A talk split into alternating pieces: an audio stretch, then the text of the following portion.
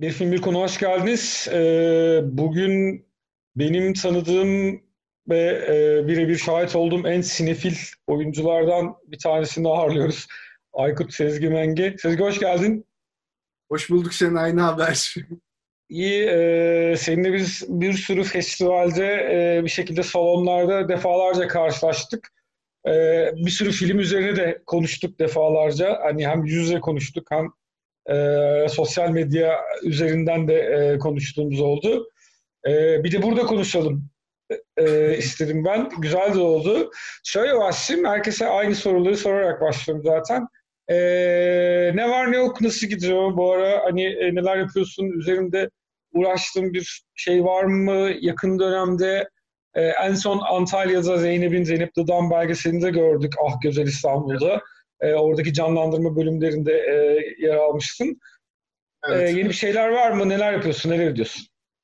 Ya şimdi aslında konu sinema olduğu zaman yarın başlıyoruz işte iki ay sonra başlıyoruz gibi bir durum olmuyor. Hep böyle görüşmeler yapıyoruz şu anda ama e, böyle bir yıl sonraki ya da altı ay sonra çekilecek filmler üzerinden konuşmalar var. Ama en son işte Ah Güzel İstanbul var. E, bir de bu pandemi yüzünden e, tiyatro oyunun hazırlıklarına başlamıştık. Mekan sahneyle birlikte. Şamil Yılmaz yazıp yönetiyor. Oğulcan Armanuslu ve ben beraber oynayacağız. Ama tabii ki e, şu anki süreç, sahnelerin durumu ne olacak vesaire vesaire kafamızda deli sorular. Hmm. E, onun ilerliyoruz. İşte en son e, Antalya'da beraberdik. Ah Güzel İstanbul'un kurmaca ayağında yer aldım. Bir de e, geçen yıl çektiğimiz bir Elif Refik'in bir kısa filmi var. Siz biraz uzak kaldınız diye. Onun bir festival süreci olacak.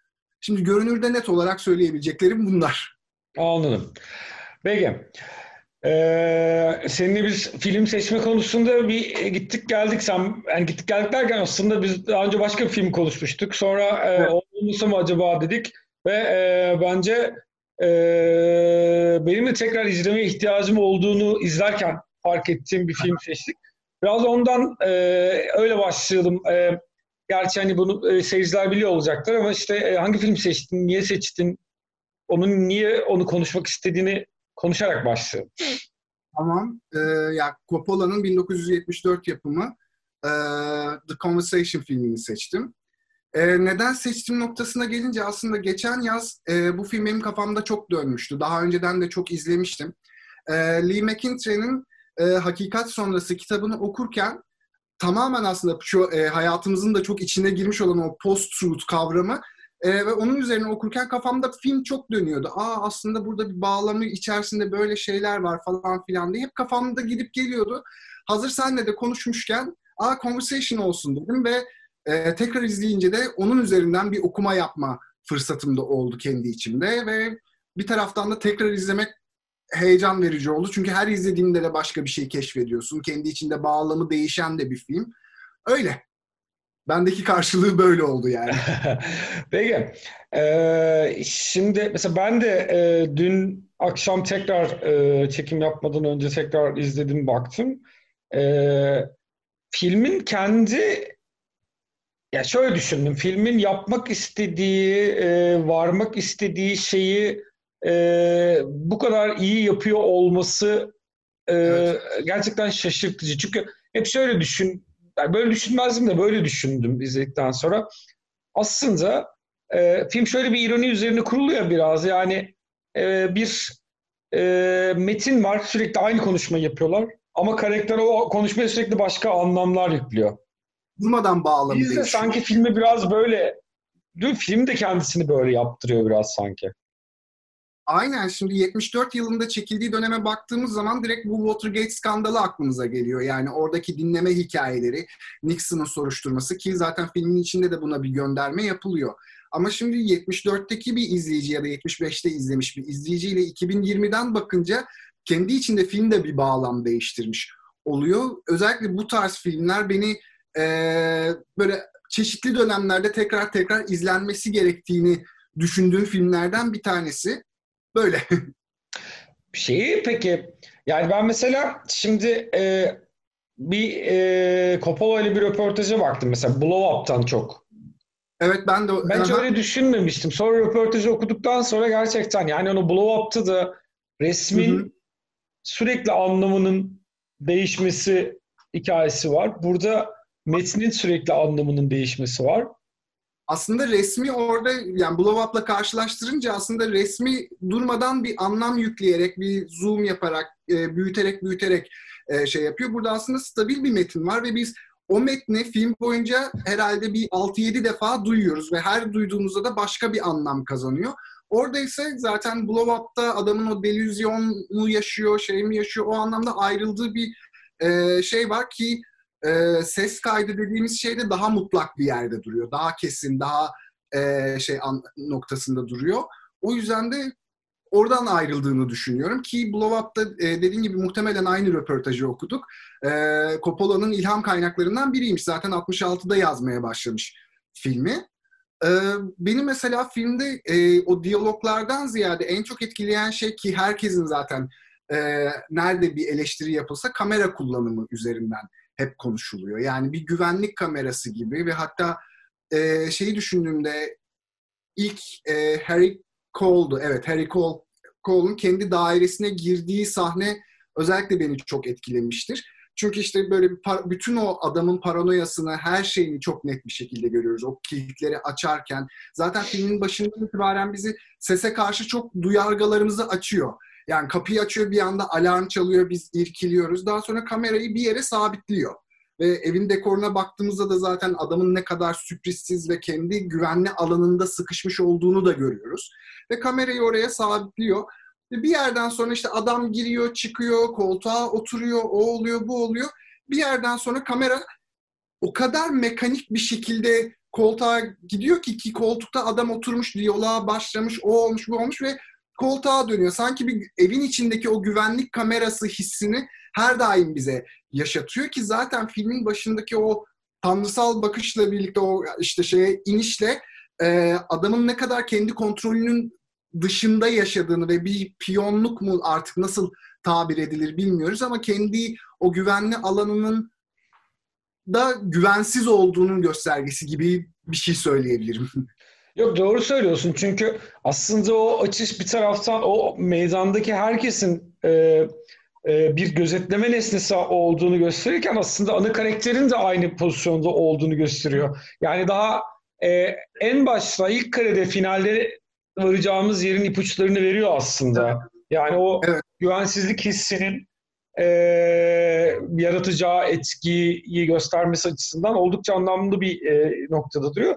Bir taraftan da gerçekten bunu 1969'da çünkü hani e, hani Watergate'den sonra çok hani bazı filmlerin öyle bir tarihsel şansı vardır. Ben e, hani e, doğru zamanda e, çıkarlar bazı filmler ve hani etkilerini katlar. Aslında 1969'da e, bunu e, 60'ların sonunda 66'da yazmaya başlayıp 69'da neredeyse evet. projelendiriyor ama e, 74'te tabii 72'deki Watergate'den sonra 74'te e, ortaya çıkması ben şöyle bir hinlikle düşündüm yalnız. Şimdi iki baba arasında bu filmi de çekmeyi çıkartmak biraz Watergate'den sonra abi vaktidir biz bunu patlatalım. Evet. Tabii tabii tabii. Sanki diye. Çünkü yani babayla baba ikiyle aynı yıl e, gösterime giriyor. Yani ki hani bahsettiğimiz yani Baba 2'de öyle hani abi dört haftada çekeriz filmi de değil. Hani görkemli bir epik hikaye. Muhtemelen hani yıllar, bir iki yıllık bir emek harcanmış ona. Dolayısıyla böyle hani hem Baba 2 hani arada da bunu çıkarmak falan o biraz böyle skandal patlayınca Baba bir de tuttu. Abi hazır para da var. Gel gel çıkartalım gibi bir ki Zaten hani e, o yıl mesela Oscar'a aday oluyor ama babaya kurban oluyor. Baba alıyor her şeyi. Ama altın palmiye alıyor tabii diğer taraftan. Ama Gene Hackman'ın da Oscar'da hakkı yeniyor. Yani e, bir taraftan yine şey sahnesine döneceğim. E, o evin içindeki sahneye döneceğim. Bir de oyuncu gözüyle ister istemez. Evet e, oraya izliyorum. gelecektim. Sen geldin devam et. ya hakikaten oyuncu yönetmen bir, e, birlikte işbirliğinin çok güzel bir örneği böyle çok klişe bir cümleyle başladım ama yani o evin içindeki sahnede e, şeyi çok net bir şekilde görüyoruz. Zaten Jim Hackman'ın e, yarattığı bu he, e, Harry Cole karakteri tamamen işte her an kıyafetini bozmayan, e, vücut dilini çok ekonomik bir şekilde kullanan ve kendi içinde zaten çok e, konformist yaşayan bir adam. Şey anlamında yani aman tadımız kaçmasın üzerinden yaşayan ama bir taraftan da geçmişten ötürü de sıkıntıları var o şu bu falan. Beden dili olarak o ekonomiyi çok fazla görüyorum. Ve bir taraftan da o kamera hareketi, o güvenlik kamerası hareketi telefonla konuşurken adamın kendi böyle gayet gündelik bir şekilde pantolonunu çıkarması çok acayip bir etki yaratıyor. İnanılmaz o karakterin mahremine zuhur eden bir halde ve bu etkiyi yaratmak hem oyuncunun seçimiyle hem de yönetmenin e, kamera, görüntü yönetmenin muazzam bir işbirliğinin olduğunu düşündüğüm bir sahnedir mesela o. Onu söyleyebilirim.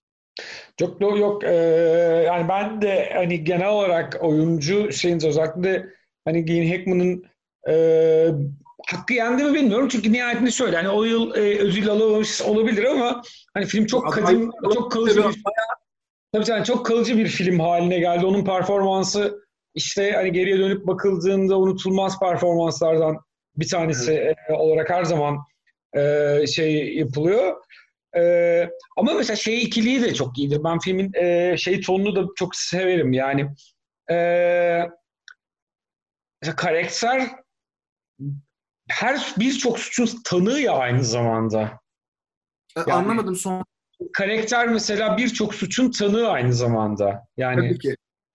Ama doğrudan evet, da var. temas etmiyor. Suçla temas ettiği anda aslında kendisinin de oradaki kurban hani kurbana dönüşme ya da dönüşme paranoyasına gidişteki o dönüşme aşamalarını falan böyle çok tıkır tıkır kurmuş bir şey var. Ve hani e, senaryonun da Coppola'ya ait olduğu düşünüldüğünde gerçekten hani böyle bir e, çok temiz bir işçilik e, o var açıkçası. Ya aynı zamanda bence o kurgu zaten Walter Murch e, en efsanevi isim e, kurgu konusunda hem ses kurgusunu hem film kurgusunu yapmış ve e, o ses kurgusu işte az önce de bahsettiğim o sese karşı o duyargalarımızı açması bizi seyirci olarak ve e, bir taraftan biz e, Harry ile birlikte her şeyi duyuyoruz e, ve bütün o deliryumuna e, ses ve kurgu e, oyunlarıyla dahil olduğumuzu yani işte az önce bahsettiğim bütün o işbirliği, bütün e, elemanlar tak tak tak tak işlediği için çok çok güzel bir şey çıkıyor ortaya. Bir de mesela gözetleme şeyinin e, ben mesela bu fuara gidiyorlar ya fuar sahnesi var. Mesela o biraz onu takıp araştırdım ben mesela 1968'e kadar gerçekten ee, evet. O tür fuarlar kuruluyormuş yani hani işte hani karınızı şöyle gözetlersiniz, işte metresinizin telefonunu şöyle dinlersiniz, işte düşmanınızı düşman şirketin hattına böyle girersiniz falan diye 68'de yasaklanmış o e, şeyler. E, en azından bu kadar kamusal yapmayın, ayıptır, günahtır diye mahkeme tarafından yasaklanmış. 68'e kadar gerçekten öyle bir şey varmış. Hani film mesela e, geçtiği dönem hissi açısından böyle 70'ler hissi uyandırıyor ama e, o anda bir an böyle o e, gözetleme toplumu, dinleme toplumu şeyinin de bir e, bir tür nöbesini veriyor çünkü bugün e, şöyle bir şey de düşündürtüyor. Bir taraftan ne düşünürsün bilmiyorum. Biraz e, filmden çıkmış gibi olacağım ama mesela bugün çok gönüllü bir şekilde biz buna razı oluyoruz ya. Evet. Yani evet, evet. Or- orada genelde bir rıza dışı bir şey var ama bugün hani e, oradan buraya gelen dönüşümü de çünkü orada mesela daha çok böyle devletle, organizasyonlarla ilgili bir şeyken bu e, bugün artık biz hani çok gönüllü bir şekilde e, gözetlenmeyi kabul eder bir e, hale geliyoruz ama bir taraftan da mesela işte Henry'nin paranoyası var hepimizde. Ee, hem Harry'nin paranoyası var. Ben o mesela fuar sahnesinde de en dikkatimi çeken ki finalde finaldeki sorulara dair e, en benim için bir en azından bir komplo teorisi, filme dair bir teori oluşturan bir şey. Hani filmin sonunda o işte bug, işte o dinleme cihazı neredeydi diye hep konuşuluyor ya. Yok e, saksafonun içinde mi, orada mı, burada mı ve finalde kamera böyle artık bozulmuş bir güvenlik kamerası gibi şey yapıyor ki fuar sahnesine baktığımızda adamın aslında kendini bütün hayatını izlen izleme üzerine kurmuş bir adamın kendisinin de izlenmesi ve kendi kendini izlemesiyle bir yüzleşmesi oluyor. Yani bir an bir kameraya bakıyor ve kendi yüzünü görüyor. Ondan sonra açıyı değiştiriyor. Aynı kamera hareketi de yine o evdeki kendini takip etme hareketinin başka bir iz düşümü gibi bir hal oluyor. Ki finaline doğru baktığımızda adamın bütün inançları kırılmış, bütün her şeyi darma duman olmuş ve kamera orada sallanıyor. Artık o adamın o delüzyonu bence kendi kendine izlemesin. Ha, günümüze gelip günümüze geldiğimizde de aslında bu günümüzden farkı biz artık gözetlenmeyi yönetme ilizyonuna sahibiz. Ee, o, orada istem dışı bir gözetlenme var. Evet şu anda gönüllü olarak gözetleniyoruz ama gözetlenme biçimimizi e, yönetebildiğimizi belki düşünüyoruz. Öyle bir karşılaştırma ya da öyle bir fark yaratılabilir. Ya da başka türlü bir ilizyonun içerisindeyiz biz de. Yani hani gözetlendiğimizi denetlediğimiz gibi bir e, illüzyonun içerisindeyiz ve fakat evet. hani öyle bir e, şey de yok. Bir de bir şey çarpıcı. Mesela hani e, Harrison Ford'u böyle daha ergen, genç, tıfıl bir oyuncu olarak evet görmek e, burada mesela çarpıcı. Ben e, e, filmi herhalde bir 10 yıl, 15 yıl falan olmuştur ve e, görünce şaşırdım açıkçası. Hatırlamıyordum çünkü Harrison Ford bir an böyle aa falan oldum. Bir yerde daha çıkmıştı yakın dönemde öyle karşıma. Yine çok erken dönem e, filmlerinden bir tanesinde ama hangisindeydi hatırlamıyorum. Böyle bir taraftan da böyle şey keşifleri iyi oluyor böyle daha kariyerinin başında sonradan dünya starı olmuş bazı oyuncuları şeyleri kariyerinin başında bir yerlerde görmek falan da. Şey, Star Wars'tan böyle 4-5 yıl önceki bir film zaten. 3-4 hatta Star Wars 77 3 yıl önce çekilmiş. Evet evet ama bunun galiba çekimi 73 falan mı? Galiba 74'te gör, şey, görücüye çıkıyor ama 73'te galiba çekilmiş bu. O dönemler biraz daha böyle televizyon dizilerinde falan oynadığı bir e, dönem. Biraz daha e, televizyon dizilerinin meylettiği bir dönem. Ama diğer taraftan şeye dönersek yani ufak ufak toparlarsak e, hani o en başlık açılış sahnesinden karakterin dönüşüne o finaldeki o şey güvenlik hissi ve işte kameranın kullanımı gibi mevzulara bakınca Coppola'nın ne kadar büyük bir yönetmen olduğunu insan böyle bir kere daha e, evet hakkını veriyor. Gerçekten daha doğrusu 70'ler muhtemelen en formda olduğu dönem. Yani oradan uzanıp hani Apokalips Nova kadar evet. uzanan bir bir periyot var. Gerçekten müthiş formda olduğu böyle hani e, kariyerinin en zirve anları bunlar çok belli. Yani ama e, çok üst düzey bir e, yönetmenlik mahareti bir taraftan bakınca da yani hani filmin hissiyle bu kadar organik bir görüntü kamera kullanımı e, çok nadir görebileceğimiz türden bir e, iş. Lensler kullanmışlar bayağı. Orada yani risk alınarak neredeyse hani bir e, böyle bir bilemiyorum belgesel hissi yaratacak. Özellikle o park sahnesinde izlerken o kadar tesadüfi olan şey ki ben de araştırdığımda dört günde çekmişler o sahneyi e, şey dinleme sahnelerini falan. İnanılmaz etkileyici geliyor. O işte uzun lens kullanarak bir taraftan onların o mahremine girme hali. Ee, bir anda ne olduğunu anlamadığımız bir şekilde araya başkalarının girmesi vesaire. Bir de bu arada e, bunu ben Internet Movie Database'deki trivia'sında gördüm. E, Coppola şeyde şoka girmiş. Nixon'ın demokratları dinlettirme sisteminin aynısını anlatıyormuş bu film. Yani şey olarak aynı sistem kurulmuş ve bunu öğrendiği zaman şok geçirmiş. Böyle bir bilgi okudum. Aklın yolu bir demek ki. Yapacak yok. Nixon'da, Nixon'da olsan, şeyde olsan demek ki bu işler böyle oluyor yani.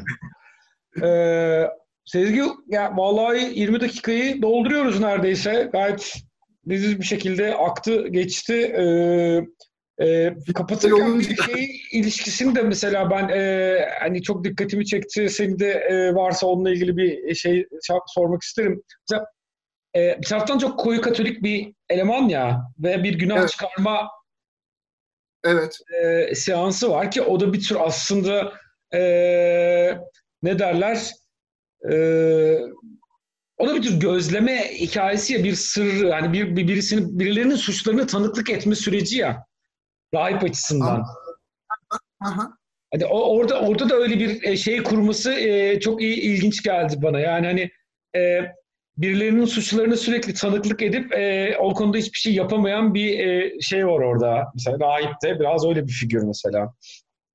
E, rahip hem öyle bir figür bir de şeyi çok güzel kurmuş. Yani hem bir şey yapamıyor hem bir taraftan etraftan çok korkuyor. Etrafındaki sosyalleştiği arkadaşları onlar bunlar hepsiyle bir sık, e, birlikte olduğu kadına kendini açamıyor.